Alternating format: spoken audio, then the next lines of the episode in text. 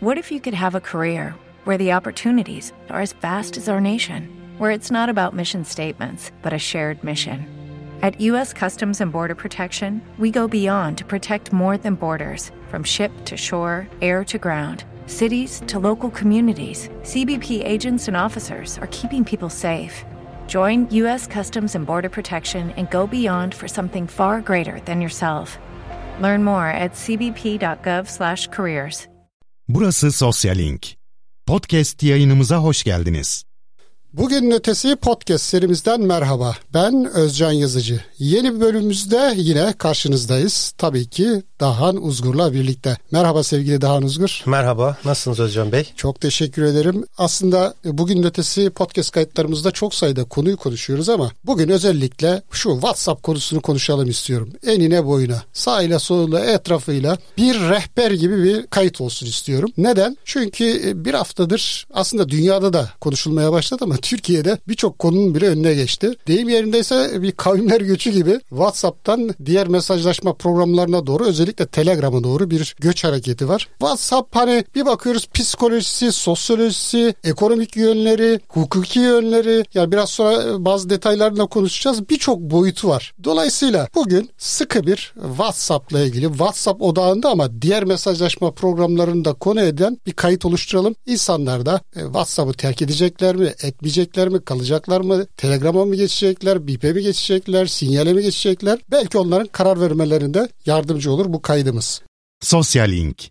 Şuradan başlayalım isterseniz. WhatsApp bu kadar hayatımızın odağına nasıl yerleşti? Yani biraz önce de söyledim siyaset, sosyoloji, ekonomi her konunun içerisinde artık WhatsApp var. WhatsApp'la birlikte Facebook gibi sosyal medya platformları var. Ama WhatsApp odağında yani nasıl yerleşti? Onu bir algılamak için buradan bir giriş yapalım sonra devam edelim. Mesajlaşma programları tabii yeni değil. Yaşı genç olanlar bu programın WhatsApp'ın e, yeni çıktığını, yeni teknolojiyle üretildiğini düşünüyor olabilir ama bundan önce de biz SMS ile iletişim kuruyorduk. Yani cep telefonu çıkmasından itibaren SMS işi başlamıştı. SMS'ten sonra bir görüntülü görüşme arzusu oluştu insanların içinde. Görüntülü görüşme işi de hallolduktan sonra tamamı birleşti ve videolu görüşme başladı. Sabit telefon hatlarında insanlar uzun yıllar görüntülü görüşmenin hayalini kurdular. Türk Telekom yıllar yıllar sonra bunu gerçekleştirebildi ama o esnada zaten iş işten geçmişti açıkçası görüntülü görüşme konusunda. E çok büyük kolaylıklar sağlıyor hayatımıza. Anında hemen görüntü, fotoğraf gönderiyoruz, mesaj gönderiyoruz veya bir grup konuşması başlatıp orada videolu, görüntülü e, konferans bile yapabiliyoruz. Yani hayatımıza girmesi ve yerleşmesi çok mantıklı. Evet yani yanlış hatırlamıyorsam 2010 yılında e, WhatsApp hayatımıza dahil oldu değil mi? Yanlış hatırlamıyorum o tarihlerde. Yani yaklaşık 10-11 yıldır hayatımızın içerisinde Facebook tarafından satın alınmış ve o grup içerisinde Instagram'la birlikte 3 sayıcı ayağını oluşturan bir mesajlaşma uygulaması. Başlangıçta yola tabii yalnız çıkmışlardı ama Facebook ikisini de yuttu. Hem Instagram hem de Facebook'u satın aldı. Evet. Pardon özür dilerim. Hem Instagram hem de WhatsApp'ı satın aldı. Doğru. Şimdi yavaş yavaş bir giriş yaptıktan sonra WhatsApp konusuna ısınmaya başlayalım diyorum. WhatsApp ne yapmaya çalışıyor? Yani bir sis perdesi var. Herkes bunu anlamaya çalışıyor. Gizlilik sözleşmesini değiştirdi. WhatsApp'ın temel amacı ne? Özellikle tabii ki 10 yıllık bir background'u var ama son dönemde ne yapmaya çalışıyor? Sözleşme değiştirmesiyle birlikte aslında ne yapmaya çalışıyor diye belki sormak lazım. Ee, burada değişen sözleşmeyle birlikte zaten almakta olduğu verileri insanlardan onay alarak nasıl kullanacağını gösterdi bize. Buna benzer verileri zaten aldığını biliyorduk ama e, WhatsApp bunu sözleşmesinde göstermiyordu, söylemiyordu. Ama Apple cephesinde bu konuyla ilgili bir açıklama ve talep geldi yeni iOS güncellemesiyle birlikte. Bundan sonra Apple cihazlarda yazılımların hangi kullanıcılardan ne tür verileri aldığının gösterilmesini talep etti. E, bunları da tabii açıklayınca WhatsApp cephesinde çok büyük bir e, sıkıntı oldu. Hatta gazeteye ilan verdiler bununla ilgili olarak ve bunları almak zorunda oldu olduklarını, ekosistemin buna ihtiyacı olduğunu söylediler. Biraz da yasal düzenlemelerin etkisi olmuş olabilir. Yani Avrupa Birliği'nde biliyorsunuz GDPR düzenlemesi var. E, Türkiye'de KVKK düzenlemesi var. Başka ülkelerde de benzer Ama burada ilginç olan bu sözleşmenin Avrupa'da şu anda olmaması. Yani oralardan bizdeki alınan veriler alınmıyor. Sebebi de WhatsApp'a iki ayrı şirket kurmuşlar. Avrupa tarafına bakan başka bir şirket var ve orada bu sözleşme yok. Ama Avrupa dışında ve Amerika dışındaki ülkelerdeki bakan daha doğrusu e, o şirketin ilgilendiği WhatsApp'ın diğer diğer şirketi buralarda bu bilgileri kullanıcılarından talep eder durumda. Yani burada bir ikili durumda söz konusu. Ama ocağın dördünde bu bildirimleri göndermeye başladı e, WhatsApp. O tarihten e, sonra Türkiye'de çok ciddi bir e, refleks tepki oluşunca üst üste birkaç açıklama yaptı. Açıklama WhatsApp. yaptı ama geri adım açısından bir açıklama yok. Hatta bir açık... rahatlatmaya çalıştı Türk kullanıcıların. İşte dışarıya gizliliğiniz bireysel kullanımda devam edecektir. Orada hani bir şirket kullanımı ile ilgili unsurlar işin içerisine katarak rahatlatmaya çalıştı ama açıkçası bana çok e, inandırıcı gelmedi. Şimdi sırası gelmişken şu açıklamaları da bir göz atalım. Apple tarafında mesela Tim Cook var onun CEO'su. O şöyle bir şey dedi. Kullanıcıların kendileri hakkında toplanan veriler ve bu verilerin nasıl kullanıldığı konusunda bir seçeneğe sahip olması gerektiğini düşünüyoruz. Facebook daha önce olduğu gibi uygulamaları ve web sitelerinde kullanıcıları izlemeye devam edebilir. iOS 14'teki uygulama izleme şeffaflığı yalnızca önce sizin izninizi istemelerini gerektirecek dedi. Yani Tim Cook dedi ki fazla tantana yapıyor Facebook tarafı. Biz sadece istiyoruz ki kullanıcılardan bir onay alsın. Eğer bunu almazsa çünkü programı marketten kaldırılma tehlikesi de vardı. Devamında da işte az önce yine söylediğim gibi bu sefer karşı cepheden bir ilan yayınlandı. Onlar da tüm küçük işletmeler için Apple'a karşı geliyoruz başlığı attılar ve bir açıklama yaptılar. İşte iOS 14 gizlilik politikası bizi biraz e, daha az e, veri almamıza sebep oluyor. E bu da reklam dönüşlerinin azalmasına sebep olabilir. Hatta %60 e, oranında kötü reklamlar görülebilir. Bu tamamen sektörü etkiler, küçük işletmeciyi etkiler. Zaten pandemi var falan gibi. O da oraya sığınmak istedi. Ne yaptığına burada bakmak lazım. Niye bu verileri bu kadar çok almak istiyor? Eğer bir ajanlık peşinde olsa bunu gizlice zaten yapar. Ama görünür bir şekilde bunu yapmasının en büyük sebebi işin içinde yine para var. Reklam. Bizim verilerimizden bir ekosistem oluşturmak istiyor hı hı. Facebook cephesi. Yani WhatsApp'ta toplamış olduğu verileri Instagram ve Facebook tarafında toplamış olduğu verilerle birlikte e, birleştirip reklam hedeflemesini daha kişiselleştirmek ve reklam verenlere daha veri odaklı bir hedefleme yapabilecek bir altyapı sağlamak reklam istiyor. Reklam verebileceğiniz daha e, önde olan bir mecra olmak istiyor. Çünkü Google da gelirini buradan elde ediyor. Ama özel yaşantınıza ait ne kadar çok veri olursa Google'ın reklamlarından daha aktif bir şekilde reklam verebilir hale geliyorsunuz. Birçok örneğini zaten WhatsApp kullananlar, Facebook kullananlar yaşıyordu. E, bir oda içindeki bir konuşmadan bile e, geçirdiğiniz konuşmanın içindeki bir kelimeden sonra ona uygun reklamların çıktığını görmeye başlamıştık. Burada şöyle bir şey var aslında. Her verinizi, her sesinizi kopyalayıp merkeze göndermek gibi değil de belki de yazılımın içindeki bir yapay zeka veya işte konuşmadan metne çeviren bir algoritmayla orada belli kelimeler seçiliyor. Ama günün sonunda sizin cihazınızın ID'siyle sizi eşleştiriyorlar. Her ne kadar onlar tanınmayan, kimliği gizli bir ID olarak söylese de siz onların serverında e, tanımlanabilir bir rakam haline geliyorsunuz. Adınızın ne olduğu anonimsiniz yani onların dediğine göre. Ama şunlar var. Kimle konuşuyorsunuz? Nerelerde bulunmuşsunuz? Hangi lokasyonda bulunmuşsunuz? Arkadaşlarınızla en çok hangi kelimeler üzerinde konuşuyorsunuz? Ve bununla birlikte lokasyonda şöyle de bir değişik tespit yöntemi var. Bir AVM'ye gittiniz. Eğer imkan varsa wireless şebekesi üzerinden oradaki Wi-Fi sinyallerinden hangi mağazada daha çok zaman geçirdiniz? Wi-Fi'nin gücüne göre belki de hangi standın önünde daha çok zaman geçirdiniz gibi bir takım birleştirmeler yapıyorlar. WhatsApp'tan bunlar toplanıyor. Facebook'ta zaten sizin beğenilerinizden yaklaşık olarak işte siyasi görüşünüz, sevdiğiniz yemek. Tuttuğunuz takım gibi bilgiler de var. Evet. Ve bu tanımların hepsi bir araya geldiğinizde onların tekrar söylüyorum tanımlama yaptığı gibi anonim bir ID altında sizin tamamen karakteriniz ortaya çıkmış oluyor ve buna uygun da reklam gösteriliyor. Evet yani bu, seri halde bu anlatımlarınız şöyle bir fotoğraf oluşturdu bende. Yani şöyle kafamda canlandırıyorum. Birkaç yıl içerisinde teknolojideki ilerleme, dijitalleşmedeki ilerlemeler, bu veri yığınlarının toplanması, yapay zeka ile işlenmesi halinde aslında hepimiz tam bir ürün haline geleceğiz. Öyle gözüküyor. Yani aldığımız her nefes, duygularımız, hastalıklarımız, harcamalarımız, ne bileyim e, aile ilişkilerimiz, duygu dünyamız, salınımlarımız bütün bunları analiz eden, bu verileri toplayan ve bize neyi satın almamız gerektiğini hatta politik olarak belki de ne düşünmemiz gerektiği konusunda diktede bulunan bir A ekonomisi içerisine, A sistemi içerisine dahil olmuş olacağız. Bana bu gerçekten ürkütücü geliyor. Ürkütücü ama bir yandan da tabii pazarlamanın doğası gereği de bunu yapmaları gerektiğini söylüyorlar. Bu olmazsa ne olur? Böyle bir şey yapmazlarsa ne olur? Alakasız reklamlar görürsünüz. Reklam verenler daha çok para harcamak zorunda kalır. Siz de belki tepki gösterirsiniz. Yani bu benimle alakalı bir konu değil. Bu reklam bana niye çıkıyor diye bir düşünce tarzı olabilir. Çünkü artık reklamcılık sektörü televizyon reklamcılığı konusundan çok ötede. Yani dergiye ilan vermek yine belki belki biraz daha kategorik olarak belli insana seslenmenizi sağlıyor ama televizyon reklamlarında belki de e, yarısı boşa gidiyor diyebilirim. Ama bu tarz böyle kullanıcı hedefli yani o kadar fazla detaylar var ki sadece yaş, cinsiyet falan bunlar artık çok basit genellemeler. Ama biraz önce Apple örneğinde e, konuştuğumuz gibi bu aslında kullanıcı tarafında bilinçli bir şekilde onun iradesine ve inisiyatifi çerçevesinde olması gerekir. WhatsApp yani ben evet bir seçenek koymalıydı. Olarak, tabii ben kullanıcı olarak daha iyi reklamlar görmek istiyorum diyebilirim. Evet. Ya da hiç reklam görmek istemiyorum diyebilirim.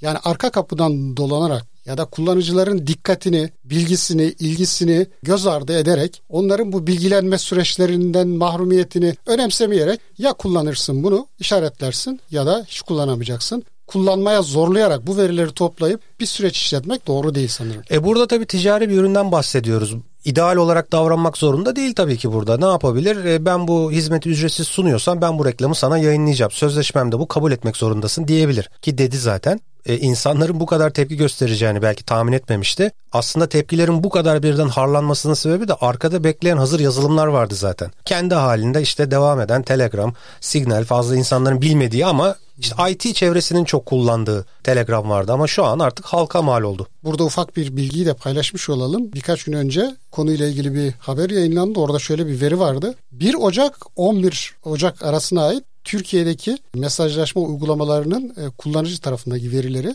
e, 42 milyonun biraz üzerindeymiş. Türkiye'deki WhatsApp kullanımı 11 gün içerisinde 39 milyon 200 bin civarına düşmüş. Telegram'da e, yaklaşık 4 milyon 400 bin civarındaki bir kullanıcıdan 11 Ocak'taki veriyi söylüyorum. Birkaç milyon daha eklenmiş olabilir. 12 milyon civarına çıkmış. Yani yaklaşık 3 kat büyüme. Bir miktarda e, BIP'te bir kullanım artışı var. E, açıkçası sinyal uygulamasına ilişkin bir veri yoktu haber içerisinde. Ama o tarafta da bir büyüme var. E, bu çok ciddi bir hareketlilik gibi. Şu an için tabii yazılım indirilmesi, ilk kullanma denemeleri ilginç gibi gözükebilir ama WhatsApp gerçekten terk edildi mi bunu zaman gösterecek. Herkes bunu yapamıyor şu anda. Eşi dostu oraya transfer etmek zaman alacak bir şey ama ben hani kendimden örnek vereyim. Derneğimizin şu anda artık What if you could have a career where the opportunities are as vast as our nation, where it's not about mission statements, but a shared mission?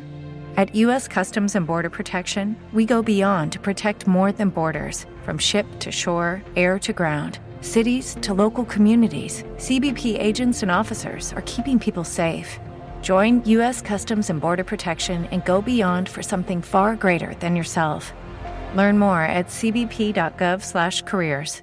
E, WhatsApp grubu yok kapattık onu ve sinyale taşındık biz mesela. E, buna benzer birçok grubunda ben taşındığını biliyorum. Çünkü insanlar farkında değildi ama Telegram tarafında özellikle grupta mesela kişi kısıtlama sayısı çok yüksek. Bazı bir takım daha işte botlar olsun, teknik imkanlar olsun daha fazla. İnsanlar onu keşfettikten sonra tekrar WhatsApp'a döner mi? Ya çok emin değilim ama gündelik hayatta e, uninstall edecek, telefonumuzdan kaldırılacak aşamaya kadar geldik mi? Onu çok bilmiyorum. Onu herkes yapamaz belki diye düşünüyorum şu aşamada. Zaman içinde bir güzellik yapmazlarsa, tek teknolojik bir iyilik yapmazlarsa bence özellikle Telegram tarafında bayağı bir geçiş olur diye düşünüyorum. Çünkü Signal bildiğiniz gibi çok basit yani güvenli ama çok basit bir arayüzü var. İnsanları tatmin etmeyebilir.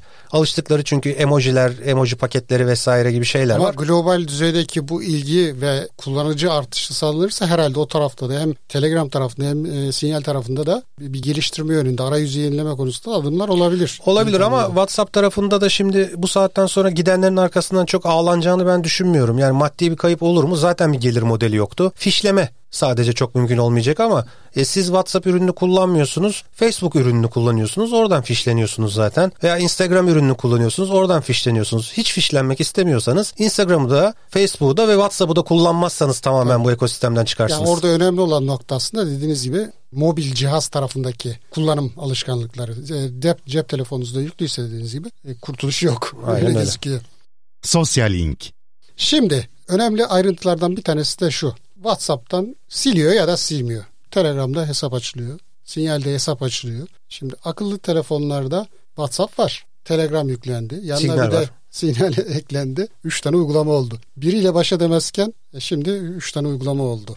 Başımıza yeni bir bela açmıyor mu? Yani telefonlarda bir tanesiyle baş edemezken Şimdi 3 tanesiyle mi uğraşacağız? Telefonların şarjı biraz daha hızlı bitecek aslında e, bakıldığı zaman. Ama bunu dediğim gibi zaman içinde hakikaten terk olabilir e, WhatsApp. İnsanların alışmasıyla ilgili bir konu. Çünkü diğer taraftaki yazılımlar daha fazla konfor vaat ediyorlar. WhatsApp'ta uzun süredir olmayan ama Telegram'da olan bir dünya özellik var az önce saydım. E, bu özelliklere insanlar alışırsa WhatsApp'a da dönmeleri gerekmeyebilir. Yani sorun da değil. Aslında burada bir, çok büyük de bir sorun değil. İstediğiniz mesajlaşma programını kullanabilirsiniz. Hiçbirini kullanmayın. SMS gönderin mesela. Hani konu iletişimse. Biz niye bu programları kullanıyoruz? En çok sevdiğimiz özellikleri konum paylaşma. Çok kullandığımız özelliklerden bir tanesi. Görüntülü görüşmede operatöre para vermek yerine orada ücretsiz olarak bunu gerçekleştirebiliyoruz. Bir de dosya ve fotoğraf gönderiyoruz. Bu. Yani SMS tarafında e, o MMS denen multimedya SMS işi tutmadığı için resim ve fotoğraf göndermek çok zordu. Bu tarafa geçtik. Burada hızlı bir şekilde fotoğraf çekip gönderebiliyoruz. Konum paylaşabildiğimiz için gönderiyoruz. Ama diğer tarafta bu hizmeti kim verirse insanlar ona da geçerler. Yani böyle bir WhatsApp bağımlılığı gibi bir şey ben çok tahmin etmiyorum. Anladım. Telegram'a insanlar geçiyor ama bir hafta içerisinde mesela o kadar ben de kullanmaya başladım.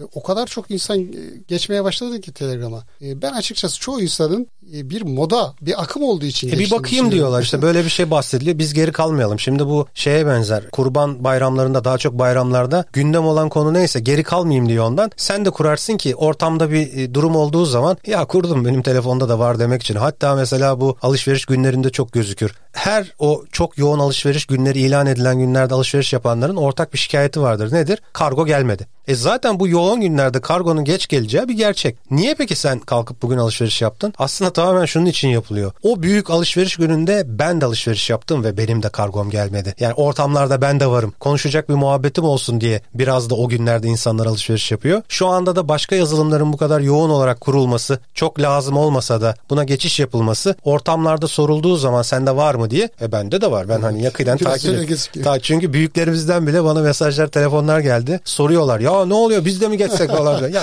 dedim sizin geçmenize gerek yok. Sakin olun. Sizin profilinizi alsalar da bir şey olmaz bu saatten sonra problem değil diye. Sevgili Dahan Uzgur, e, yani senin uzmanlık alanında bildiğim için mesleki anlamda bu güvenlik tarafıyla ilgili de soruyu sormadan geçmek olmaz.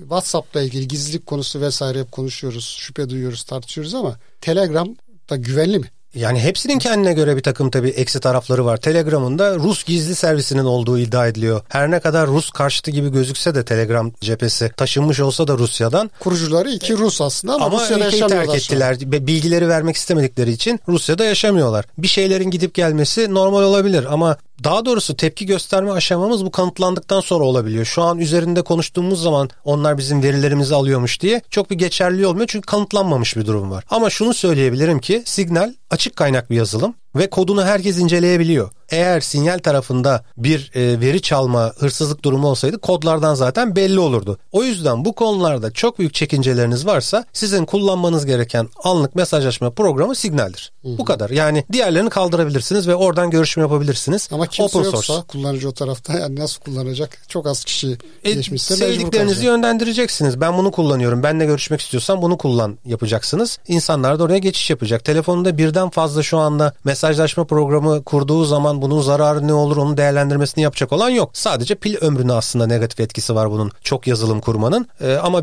çok yazılım olmasının telefonun hani performansıyla bir yavaşlık falan yaratması da söz konusu değil tabii. Kurabilirsiniz. O da bulunsun. Orada da bir eşiniz, dostunuz, tanığınız olabilir belki. Hepsi olsun. Şimdi son bir, bir hafta içerisinde yani WhatsApp e, birçok sosyal medya platformunda konuşuluyor, tartışılıyor. Bu konuyla ilgili de farklı farklı tepki gösteren insanlar oldu açıkçası. Kimisi çok korktu, kaygılandı, de bırakmak istedi. Hemen hızlı bir şekilde Telegram'da, diğer platformlarda hesaplar açtı. Kimisi meydan okudu mesela böyle tipler de vardı. Yani takip ederse etsin. Hangi bir verimi takip ederse yani sanki diğer yerlerde takip ediyor edilmiyor mu diye tepki gösterenler oldu. Buradaki tepki dalga boyu da çok farklı açıkçası. Bir tanesi de Fatih Altaylıoğlu'nun işte neyimi takip edecekse etsin. Ya ama bu doğru bir yaklaşım değil. Değil, Yani kesinlikle değil. hani şey gibi bu e, biz mikroptan korkmayız kardeşim Türk'üz biz bize bir şey olmaz gibi. Ha niye senin verini alıyorlar ki? Niye buna göz yumuyorsun ki? Bu göz yummanın sonucunda belki gelecekteki bütün programlar senden bilgi sızdırmaya başlayacak. Sen tepkini koy da çalma veya çalmama konusu artık o duruma göre belirlensin. İşte şu an bir tepki oluştu. Alternatif programlar yükseldi. Yarın öbür gün başka bir teknolojiyle çalışan bir yazılım geldiği zaman gönül rahatlığıyla insanlar onu kullanacak ve bu şu an veri çalan programlarda demode olmuş olacak. Yani bunu kalkıp da şimdi veri çalanın yanında durmak da bana biraz garip geliyor yani. Bu arada tabii son bir haftada yalnız Türkiye'de değil global düzeydeki ilgiden dolayı Telegram tarafından da zafer çığlıkları gelmeye başladı. Son bir hafta içerisinde işte 25 milyon yeni kullanıcı kazandık. 600 milyonu yanlış hatırlamıyorsam. Bu reklamı biz yapamazdık diyorlar. Bu kadar büyük bir reklam. Doğru. Çok mutlular. Çok keyifliler. 600 milyon da az bir rakam değil global düzeyde. Yanlış bilmiyorum değil mi? 600 milyon civarında bir kullanıcısı var. Bu sayı daha da artacağı benziyor. Hikayesi büyür mü? Ben Telegram'ın özellik olarak çok üstün olduğunu düşünüyorum. Ee, insanlar keşfettikçe bırakamayacaklar. Yani ona alışınca bırakamayacaklar ve geri dönmeyeceklerdir. İş dünyası açısından da e, sinyalin kullanacağını düşünüyorum. Ne Telegram'da yani farklı Bence en büyük özelliği Telegram'ın şu telefon numaranızı göstermek zorunda değilsiniz. Böyle bir mecburiyet yok. Nickname'le üye olup nickname'le kullanabiliyorsunuz. Yani Telegram adını ne dediğiniz zaman orada seçtiğiniz bir takma adı e, nickname'i söylüyorsunuz ve oradan iletişim kurabiliyorsunuz. Numara vermeden görüşmek, nickname vermek bizim çok eskilerde kalan unuttuğumuz bir şey. İnternete ilk girdiğimiz zamanlarda adın asla geçmezdi. İnterneti evine al, alabildiğin zaman veya kafeden chat yapacağın zaman kendine bir nickname seçerdin artık. Sözlüklerden bakardın artık eline ne geliyorsa İngilizce kelimeler, doğum tarihini birleştirirsin, doluysa alt çubuk koyarsın falan. Sonra bu Facebook'tan sonra kendi adınla internette olmak diye bir kavram ortaya çıktı. toplamak ilgi odağı olunca peyderpey yavaşlamaya evet, gidildi. Facebook böyle bir atılımdan sonra bütün yazılımlar, yazılımlardaki insanlar kendi adıyla orada bulunmaya başladılar. Ama Telegram şu an bunu tersi çeviriyor. Orada nickname'le de takılabilirsiniz anonim şekilde. O yüzden söyledim hani iş dünyasında kullanmak için sinyal biraz daha ağır. Yine adınızın soyadınızın olduğu. Ama Telegram'da goy goy yaptığınız nickname'le takıldığınız bir yer olabilir. Evet. Burada hani sosyal medyada da çok dolaştı. Görenler de vardır mutlaka. Yani hangi mesajlaşma programı hangi verileri topluyor. Ee, tablosu. belki de tablosu var. Onu da anımsat anlatmakta yarar var daha doğrusu. Mesela WhatsApp'ın istediği veriler, telefon numarası, rehber kayıtları, cihaz kimliği, e, yaklaşık konum, konum verileri, kesin konum, e, satın alma geçmişi, e, performans verilerini istediğini görüyoruz. Telegram tarafında ise yalnızca 3 veriyi topluyor. Telefon numarası, rehber ve cihaz kimliği. Signal tarafında yalnızca telefon numarası, BIP'i e, kısaca hemen söyleyebiliriz. Her şey istiyor. hepsini Hepsi topluyor. benim olsun. Hepsini istiyor. Bu da çok ilginç. Yani yerli milli bir uygulama diye lanse ediliyor. Türksel ama... CEO'su geçen gün canlı yayın yaptı. BIP'in verilerinden endişe edilmemesi gerektiğini, verilerin Türkiye'de saklandığını iki ayrı veri merkezinde söyledi. Kimisinin işte telefon rehberine erişimle ilgili endişe duyduğunu ama ben nereden eşleyeceğim o zaman dedi. Adını yazamam o zaman gibi bir açıklama getirdi. Ama sonunda şöyle bir soru geldi. E, siz BIP'i açık kaynak yapmayı düşünür müsünüz? gibi bir soru geldi. O da dedi ki ya işte açık kaynak yaparsak bu sefer de güvenlik zafiyetine sebep olmaz mıyız dedi. Ve orada tabii olay bitmiş oldu. Çünkü yazılımına güvenmiyorsan ve bir güvenlik arka kapı olma ihtimali varsa zaten bunu bir an önce kapat. Açmaktan korkmamak lazım. Tabii. Bunu açık kaynak haline getirdikten sonra tamamen güven denebilir. Hemen tekrar soralım tabii şunu. WhatsApp açık kaynak mı ki biz onu çok kullandık. Ama şu anda yeni bir geçiş yapıyorsak mümkün olduğu kadar açık kaynak veya az veri alanı tercih etmemiz gerekiyor. BIP bu kadar çok veri istediği için şimdilik biraz kendisine şüpheyle yaklaşıyoruz. E, ilerleyen zamanda ne olur ama tercih edenler olabilir tabii. Yani biz buradan bir yönlendirme yapamayız. Kullanmayın şudur budur diye ama tekrar edeyim ben sinyal açık kaynaktır. İndirip gönül rahatlığıyla şimdilik kullanabilirsiniz onu. Sen hangisini kullanmak istersin şu an itibariyle? Ee, ben WhatsApp'ı terk ettim zaten. Pılımı pırtımı topladım gittim. Ee, ben de işte az önce bahsettiğim gibi sinyal kullanıyorum kurumsalda. Diğer işlerde de Telegram kullanıyorum. Yani iki taneye düşürdüm ben şu anda diyebilirim. Açıkçası e, arayüzler konusunda biraz yani WhatsApp bir arayüze alıştırdı e, insanları. Telegram e, ve Signal'in arayüzleri bence çok başarılı değil. E, insanlar belki bundan sıkılırsa. Ama alışana yani şey alışkanlıkla ilgili bir konu. Ben Telegram'ı beğeniyorum. Bana da Signal biraz zayıf geldi. Ama şey az özellik olmasından dolayı.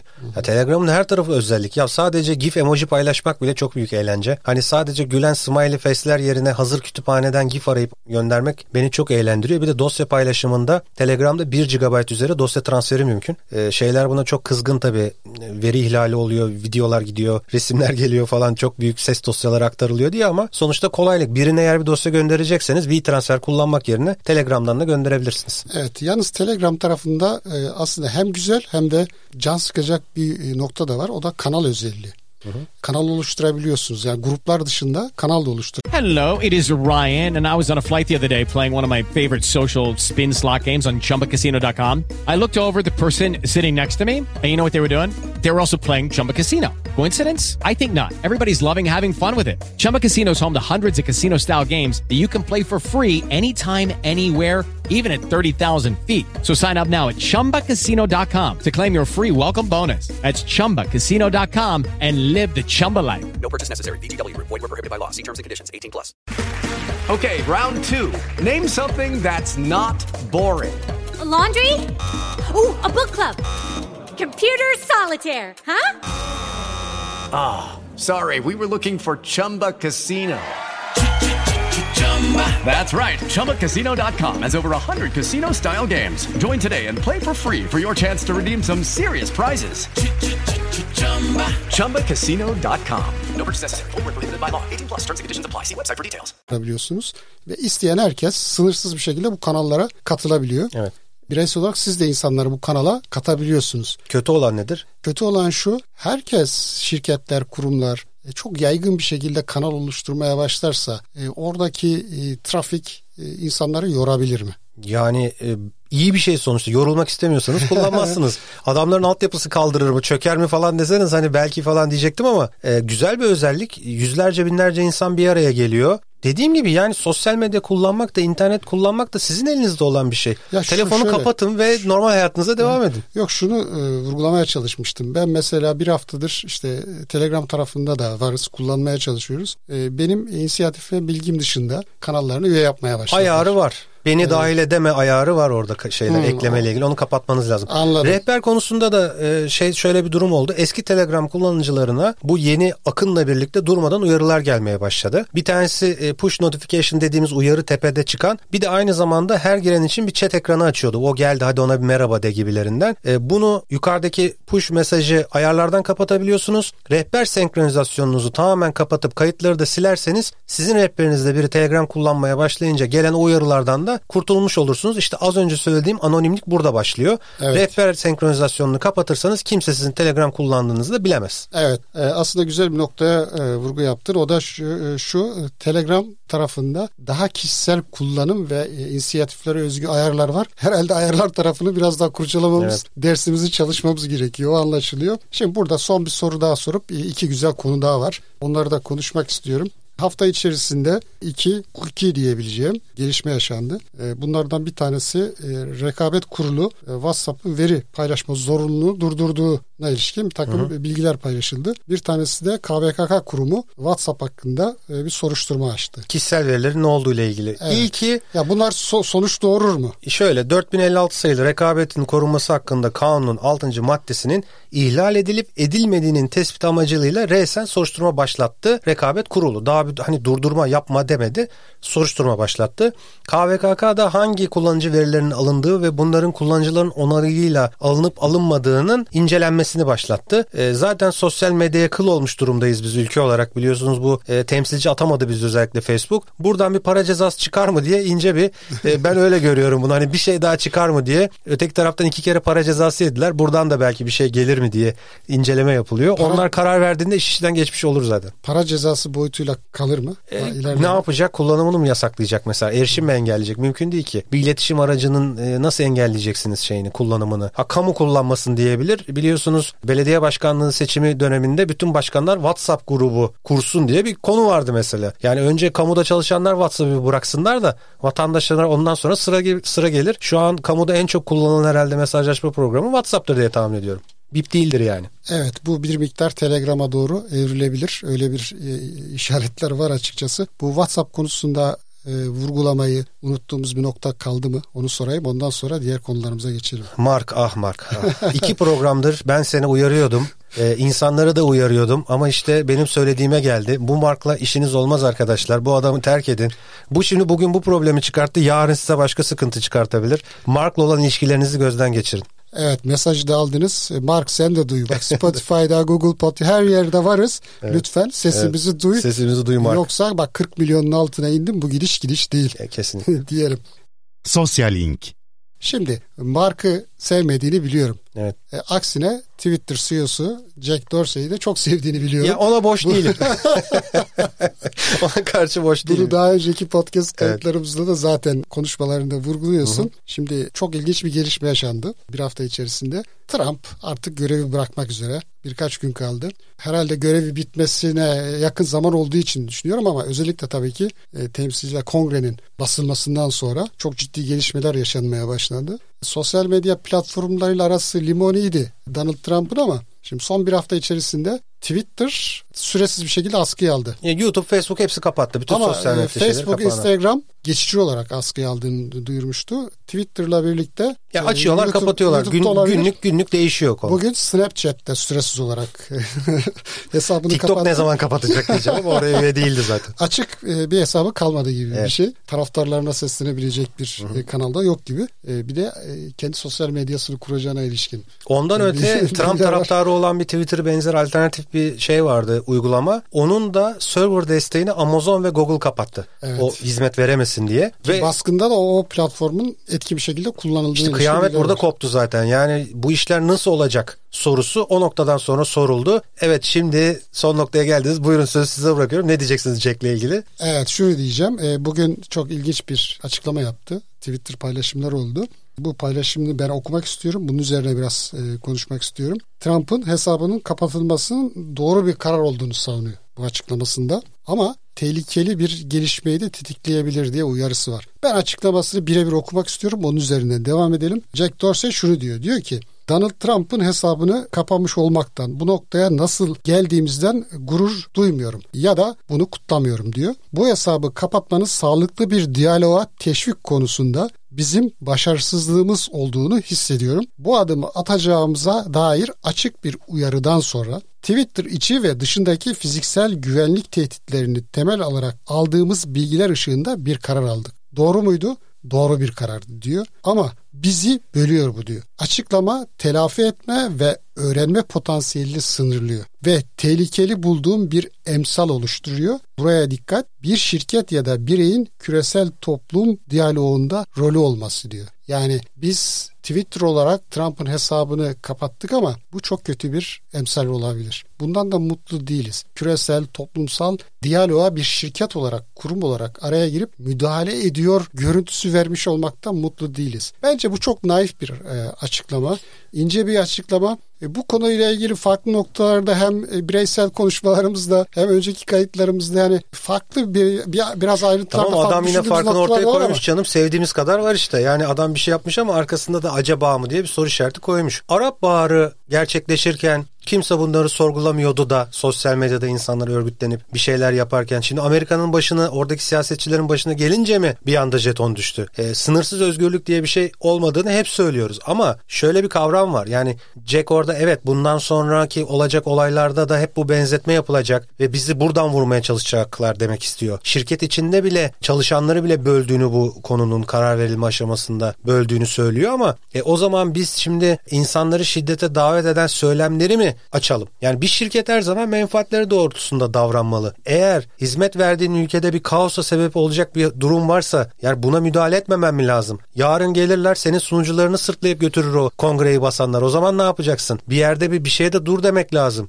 Düşünceler özgür olabilir ama sonuçta da sen de bir yere bağlısın yani. O yüzden Şimdi tabii- çok yadırgamıyorum. Şimdi tabii burada hassas noktalar var. Yani hassas noktalar şu. e, zaten Twitter'ın, Facebook'un e, eskiden beri süre gelen işte bir takım kurallar var. Yani tamam şimdi Trump'ın hesapları askıya alınıyor ama sıradan insanların da şiddet çağrısında bulunuyorsa, hakaret ediyorsa, işte bir takım porno- pornografik şeyler paylaşıyorsa, çocuklara yönelik ihlaller varsa bunlar zaten çok hızlı bir şekilde müdahale ediyor, kapatıyordu. Trump örneğinde de evet meşru anlaşılabilir nedenler var gözüküyor. Yani kongreye doğru kitleleri yönlendiriyor. Bu şiddet çağrısını içerecek boyutlarda olduğu gözüküyor. Burada meşru temeller noktasında bir soru işareti yok bana göre. Sorun şu. Twitter CEO'sunun Jack Dorsey'in duruşu, savunusu çok meşru ve mantıklı gözükmekle birlikte orta ve uzun vadede eğer bu tip ifade özgürlüğü ve insan hakları ile ilgili kararları Twitter gibi, Facebook gibi kurumların yöneticileri, üst düzeyleri karar alacaksa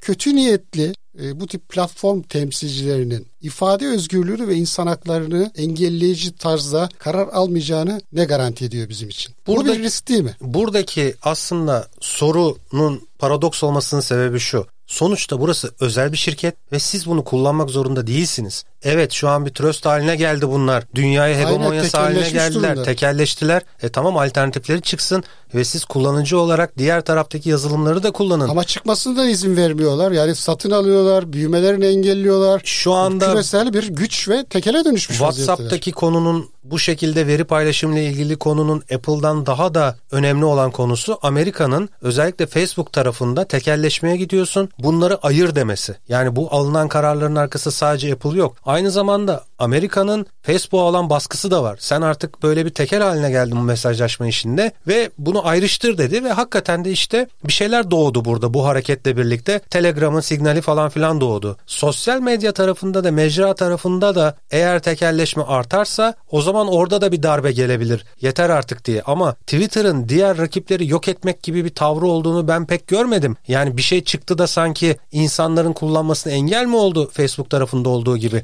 Instagram çok popüler oldu gidip satın aldılar. WhatsApp çok popüler oldular. Kendi mesajlaşma programları da vardı. Başlarına bela olmasın diye gittiler satın aldılar. Twitter bugüne kadar hangi kendine benzeyen mecrayı satın alıp yok etmiş? Ya arada böyle bir fark var. O yüzden eğer bir karşılaştırma yapılacaksa burada gidip Facebook'a söylemek lazım. Sen tekelleştin ki zaten Amerika'da aynen bunu söyledi ve onu e, ufak parçalara bölecekler. Aralık ayında bir antitrust davası açıldı zannediyorum. Hatta bu e, WhatsApp konusunda da hani WhatsApp'ı satmak zorunda kalabilir. Evet. WhatsApp tarafındaki verileri e, Facebook tarafına Buraya aktarmaya çalışıyor. Ediyor. İşte altında bunlar bu, altında bunlar var zaten. Olayı hani böyle biraz daha politik hale getirmeden tartışmaya çalışıyoruz ama altında aslında bu var. Yani ona açılacak dava ve bundan sonra olacakları öngördüğü için şu anda böyle bir hamle yaptı. Mecburdu buna. Ama tekrar ediyorum. insanlar Twitter'ı sevdiği için kullanıyorlar. Yani benzer bir platform vardı da o onu yok etti. Mecbur kaldık oraya değil. Keşke bir şey daha çıksa orayı da kullansak. Benim için bir problem yok. Ben orada da yazıp çizeceğim çizebilirim. Canım nereye isterse orayı da kullanabilirim. Ama her zaman olduğu gibi devlet bizi korusun, devlet bize baksın, devlet bize bakmıyor. Ya bu tarz bir yaklaşımda bir yere ulaşmak mümkün değil. Çünkü hepimizin kafasının içinde bir beyin var ve doğruları analiz edip doğru yolu bulmak bizim insan olarak görevimiz. Ya şunu da bekleyemeyiz ki yani başımıza hiçbir şey gelmesin yolda yürürken de öyle olurken de o zaman herkes tek tip olur zaten. Hani özgürlükler, hani insanların konuşma özgürlüğü. Bir şeyleri düşünün, değerlendirin, inanıp inanmamanız gerektiğine kendiniz karar verin. Sizi birinin yönlendirmesini beklemeyin ve hayatınızı buna göre şekillendirin. Ben her zaman bunu söylerim yani Twitter'ın ve diğer tabii ki sosyal medya platformların Trump'la ilgili olmuş almış olduğu karar çok ses getirdi dediğimiz gibi. Hatta Almanya'da da şu anda birçok ülkede olduğu gibi Almanya'da da e, Merkel de bir laf etmiş evet. Evet e, biraz hoşnutsuz e, Merkel. Hatta bir takım hashtagler oluşturularak oluşturularak Almanya'da biliyorsunuz bir aşırı sağ parti var. Almanya için alternatif AFD partisi var. Mesela aynı yasaklamaların, kısıtlamaların Twitter ve diğer platformlar tarafından bunun içine getirilmesi isteniyor. Şimdi yani benim konuşmaya çalıştığım, vurgulamaya çalıştığım buradaki hani bir takım yasalar e, bu tip kısıtlamalara şiddet yaparsanız ceza kanunları var, anayasalar var. Bugüne kadar hani kurulu bir sistemin meri e, kanunları, uygulamaları var. Şimdi burada bir regülasyon olmadan ortada gerçekten kişisel veriler olsun, e, ifade özgürlüğü ve insan hakları ile ilgili olsun Facebook, Twitter, Google, YouTube, Amazon e, çok ciddi bir güç haline dönüşmüş. Yeni ekosistemin motorları haline gelmiş durumda ve bunları küresel düzeyde de düzenleyen hukuksal metinler şu anda yok. Yani Avrupa Birliği'nde işte GDPR gibi bir takım düzenlemeler, yönetmelikler yayınlandı ama küresel bir hukuk düzenlemeleri yok. Dolayısıyla burada kendi içlerinde e, aldıkları kararlarla e, ya da inisiyatiflerle bu süreci yönetmeye çalışıyorlar. Şimdi burada ufak bir detayı da e, paylaşayım. Mesela e, Facebook e, 2018 Kasım ayında e, bir karar aldı. Tabii bu kararın uygulanması 2020'nin Mayıs ayında e, gerçekleşti. O da şuydu. Dedi ki anımsayacaksın e, içerik gözetim kurulu diye bir kurul oluşturdu küresel olarak da takım e, insanları işte çağırdı bu kurulun içerisine ve dedi ki ben hangi içeriği e, kaldıracaksam bu kurul karar verecek. Facebook içerisinde çalışan insanlar dahi bu kurulun içerisinde olsa dahi sanki kurulun ya Facebook'la alakası yokmuş gibi bu kurul kararı verecek ve biz de o istisnasız tartışmasız bir şekilde e, bu kurul vermiş olduğu kararları uygulayacağız. Global olarak herkes bu kurullara başvursun. İşte bunlarla ilgili şu ana kadar işte 88 ülkeden 650'den fazla uzmanın katılımıyla bir çalışma yürütülmüş ve böyle bir şeyler yapmaya gayret böyle bir kurul kuruluş- kurarak. ya belki de Twitter gibi. Şimdi burada ilginç olan nokta şu. Ya yasal düzenlemeler değil de sanki Twitter gibi, Facebook gibi kurullar parlamentolarında yasa geçirir gibi işte yönetmelik çıkartıyorlar. Bunları global düzeyde uygulamaya çalışıyorlar. İnisiyatif bu tip dijital tekellerin eline geçmiş durumda. Bence bu çok ilginç bir e, gelişme. Yani siyasette beğenmediğiniz partiyi oy vermeyerek iktidardan düşürebiliyorsunuz. Özel sektörde de beğenmediğiniz uygulaması olan şirketin ürün ve hizmetlerini kullanmayarak onların ayağını kaydırabilirsiniz. Aslında aynı şeyler. Bir tanesi özel şirket, bir tanesi de siyaset politika tarafı. İnsan ve halk karar veriyor buna. İstediği kadar kurul kararı alsın, şunu yapsın, bunu yapsın. Yanlış bir karar alırlarsa bence anında yok olurlar. Ama olarak karar verebilme güç, iradesi ve becerisi gösterebileceksek eğer buna artık İnsanlık kendini geliştirecek. Bu, bu, bu kaldıysa- eğer bunu yapamayıp ortaya bir kaos çıkacaksa insanlık bunu da yaşayacak. Çünkü yaşamadan bunu öğrenemeyiz. Bunu yaşamaması gerekiyorsa insanlığın, insanlık bunu da yaşayacak ve sonunda bir çıkarım ortaya, e, bir bir sonuç ortaya çıkacak. Bunu yaşayarak görmemiz lazım. Sosyal medya tarafında evet şirketler çok büyük. Kendilerine yüklenen aşırı derecede değer ve beklentiler nedeniyle işte bir şeyler yapmaya çalışıyorlar. Kurullar kuruyorlar falan ama nihayetinde onların özel şirket olduğunu unutmamak lazım. Ben her zaman o gözle bakarım. Yarın sabah kalktığımda Twitter dükkanı kapatıp gitmiş olabilir. Facebook da kapatabilir. Onların eksilmesi benim hayatımda neye zarar verir mi vermez mi ben ona bakarım. evet öyle demeyin yarım saat Facebook kapanıyor insanların eli ayağı titremeye başlıyor. İşte öyle olmamak lazım onu söylüyorum. Benim hiçbir tarafım titremiyor. Ben diyorum ki oh ne güzel sakinlik oldu. Gidiyorum dışarıda şöyle bir iki tur kapattım siz de kapatın. E, Tabii ki Peşimden canım gelin ya diyorsun. hiç hiç kap- bunları kullanmayın. Bu sosyal medyadır, internettir, internettir bunlar boş işler ya. Tamam. Ormana gidelim, ateş yakalım, ilk insana dönelim, mağaramıza geçelim. o günlerde gelebilir. Evet, gelebilir. Şimdi e, WhatsApp'ı konuştuk. Ama bir platformda konuşmamız gerekiyor. E, Bir gitti birkaç yıl sonra hemen e, yeri geldi Uber. Aa evet. Uber evet. Bir öğrendik ki e, istirham mahkemesi karar vermiş. Bir alt mahkemenin vermiş olduğu kararı iptal ederek Uber e, platformuna konular engeli kaldırmış. Şimdi Ama niye tabii- gitti? Neden geldi? Nasıl geldi? E, bunlar da ilginç. Sarı öfke. Sarı öfke çok kızdı Uber'e. Ama Türkiye'deki Uber uygulaması dünyadaki diğer örnekleri gibi değil. Dünyada evde oturuyorsunuz canınız sıkılıyor. Kapının önünde de araba var. E, para kazanayım diyorsunuz. Uber application'ını açıyorsunuz. Oradan size iş geliyor. Arabanızla gidip birilerini bir yere götürüyorsunuz ve para kazanıyorsunuz. Yani Uber bu. E, Amerika'da Eski, e, e, e, bütün ülkelerde uygulanan model bu. bu model bu yani orada Taksim orada da tabii mesela İngiltere'de kavgalar çıktı taksi şoförleri orada da isyan ettiler. Londra'da. Londra'da e, ama e, geniş olarak hani gittiğiniz ülkelerde Uber kullandığınızda kendi arabasıyla gelen tiplerle karşılaşırsınız. Türkiye'de zaten hiç böyle olmadı, böyle başlamadı. Sadece tur şirketi lisansını kullanarak lüks araba hizmetiyle başladılar. E, orada hakikaten kaliteli segment arabalar geliyordu. Çok güzeldi. Uber X Large uygulaması. O- yani geçiyor, işte Black vardı, X-Large, X-Large minibüsler, e, Black olanlar siyah arabalardı işte Mercedes marka. Sonunda Tabii ki taksiciler buna isyan ettiler çünkü kimse taksileri kullanmaz oldu. Ama taksileri insanların kullanmamasının sebebi araba lükslüğünden öte başlarına gelen kötü anılardan kaynaklanıyordu. Oraya doğru bir geçiş olunca isyan oldu. Kontrolsüz bir şekilde Uber'in her şeyini kapattılar. Biraz hukuksuz oldu tabii. Şimdi kaldırılan karar sonucunda Uber sadece taksiyle hizmet Orta bir yol bulunmuş gibi sanki. E, bence yeterli değil tabii ama şöyle bir güzel avantajı olabilir. E, Uber e, şoförlerini çok sıkı takip ediyor. Olur da bir negatif oy alan Uber şoförü olursa, taksi şoförü olursa İstanbul'da e, onun programa erişimini engelleyeceği için yine bir kalite getirir. Yani bir yere taksi lazımsa diğer o taksi programlarını kullanmaktansa Uber'i kullanmak daha iyi gibi gözüküyor şu anda. Çünkü ben İstanbul'a gittiğimde en son o meşhur olan bir tanesini kullandım. Bir taksiydi galiba. Ya inanılmaz yani akşam haberlerine çıkacaktık. Ee, ya belki şu an burada olmayacaktı. Olmayacak O işler geldi. Ya birbirlerine cep telefonu verip birbirlerinin e, ID'leriyle araba kullanmalar, plakalar farklı. Efendim e, işte parayı telefondan ödemek istiyorsunuz nakit öde diyor, hesabım blok ediyor. Yani her türlü işte numaralar. O yüzden e, bir taksi kullanmamaya ve İstanbul'a her gittiğimde de arabamla gitmeye söz verdim kendi kendime. Halbuki taksi gibi özellikle Bursa'dan biliyorsunuz ulaşım çok kolay. Yeni kapıya gittikten sonra taksiyle bir yere ulaşmak varken kolayca buradan bir sürü masraf yapıp kendi arabamla gidiyorum. Bu resmen bir eziyet yani. Milli servete de yazık ama o yaşadığımdan sonra dedim asla binmem. Uber geldikten sonra bir deneyebilirim. Ben orada kalitenin biraz daha yüksek olacağını düşünüyorum. Elin yazılımını hani bu kadar da sevmek çok doğru değil Burada, ama evet. sıkıntılardan dolayı. Ya burada önemli olan noktalardan bir tanesi şu bence. Bir buçuk iki yılı buldu zannediyorum. 2019'un başlarındaydı yan- yanlış hatırlamıyorsam e, Uber e, sistemi kapatılalı. Taksiciler de şunu anladılar bu süre içerisinde.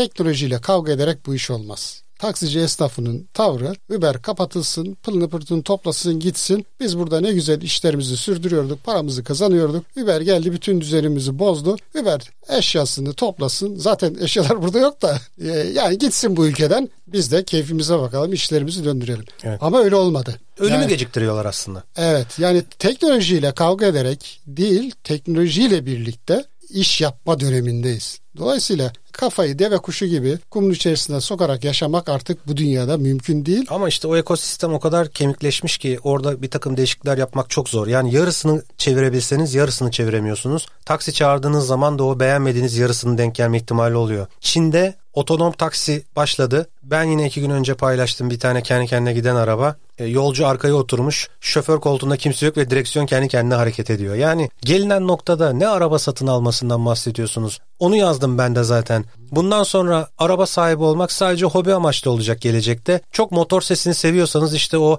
fosil yakıtlı aracınızla hafta sonları çıkıp kapalı pistlerde, açık trafikte olmayan yerlerde gazlayıp keyif almaya çalışacaksınız. Ama toplu ulaşımda tamamen elektrikli otonom araçlar bu işi devralacak. Nasıl şu anda işte martı var. Bir yerden bir yere kiralayıp gidiyorsunuz. İşte e, ufak araçlarla bir şeyler yapıyorsunuz. Aynen bu normal taksi taşımacılığında da application'ınızdan çağıracaksınız. Oraya bir elektrikli akıllı araç gelecek. Sizi A noktasından B noktasına götürecek. Kapıyı kapatıp çıkacaksınız ve e, hiç ne park derdiniz olacak, ne işte sigorta derdiniz olacak, ne kasko derdiniz olacak. Böyle bir şeyde trafik yoğunluğu veya trafik karmaşası diye de bir şey söz konusu olmayacak. Çünkü yapay zeka onu koordine edecek zaten araçların birbiriyle iletişimini. Bunları söylediğimiz zaman eskiden ya olmaz öyle şey. Bizim yollar buna uygun değil diyorlardı. E bugün Türkiye'de bir sürü Tesla sahibi adam var. Basıyor ve gidiyor yani şehirler arası yollarda, şehir içinde de dahil. Gelecek buraya giderken taksi şoförlüğü mesleğini hani bu kadar üzerinde düşünmek, konuşmak bile bence çok mantıklı gelmiyor. 10 yıl sonra ben bu böyle mesleğin bile kalacağını düşünmüyorum. Sevgili Dahan Uzgur, Uber'i yeni açtırdık. Bu kadar göz,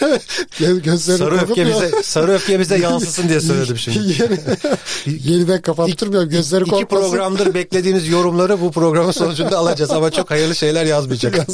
Öyle gözüküyor. Evet. Evet. E, veda etme vakti geldi bence. Çok keyifli bir sohbet oldu bence. WhatsApp'ı konuştuk etraflıca ki bir rehber olsun istedim bu kaydımız. Twitter konusunu konuştuk. En sonunda da Uber konusunu konuştuk. Var mı bu hafta için ekleyeceğimiz bir not? Önümüzdeki hafta dünyada neler olacak çok merak ediyorum. Yani geçen hafta bu kadar şeyin olacağını ben de tahmin edemezdim. Çok hızlı başladık değil mi 2021'e? ya yarın önümüzdeki hafta tekrar bu stüdyoda olmak en büyük emellerimden biri. Olamaya da biliriz. Göktaşı mı düşer? Ya şeyi konuşmadık bu arada tabii onun önümüzdeki hafta konuşuruz. Ee, UFO'larla ilgili biliyorsunuz bir kayıt açıklandı. Aa, evet. Ya ne olacağı belli değil yani. Önümüzdeki haftayı bir görelim de Allah kerim diyorum ben. Evet. Ama belki de e, sevineceğimiz bir haber kar geliyor. Bu kadar susuzluk riskinde olduğu koşullarda karı dört gözle bekliyorduk. Mevlam arada bir sevindiriyor da işte. Sosyal Link Evet bu hafta da bizden bu kadar. Bugünün ötesini yine irdelemeye çalıştık, anlamaya çalıştık. Teşekkürler Dahan Uzgur. E, gelecek hafta yine farklı konularda bugünün ötesini anlamaya devam edeceğiz. E, bizi dinlediğiniz için e, teşekkür ediyoruz. E, Dahan Uzgur'u ve beni Özcan Yazıcı'yı sosyal medya platformlarından da takip edebilirsiniz. Aynı zamanda Sosyal Link platformları üzerinden de bizleri takip etmeyi unutmayın ve podcast platformları üzerinden de tabii ki bugün ötesini takip etmeyi ihmal etmeyin lütfen. Eğer e-posta ile e, mesaj iletmek isterseniz de ozcanyazıcı@sosyalink.net e-posta adresi üzerinden e, ulaşabilirsiniz. Gelecek hafta tekrar e, görüşmek üzere. Sağlıkla kalın, hoşçakalın. Sosyal Link podcastlerini Spotify, Google Podcasts ve Apple Podcasts gibi podcast platformlarıyla sosyalink.net adresi üzerinden dinleyebilirsiniz. Kulağınız bizde olsun. With Lucky Land slots, you can get lucky just about anywhere. Dearly beloved, we are gathered here today to. Has anyone seen the bride and groom? Sorry, sorry, we're here. We were getting lucky in the limo and we lost track of time. No, Lucky Land Casino, with cash prizes that add up quicker than a guest registry. In that case, I pronounce you lucky. Play for free at LuckyLandSlots.com. Daily bonuses are waiting. No purchase necessary. Void were prohibited by law. 18 plus. Terms and conditions apply. See website for details.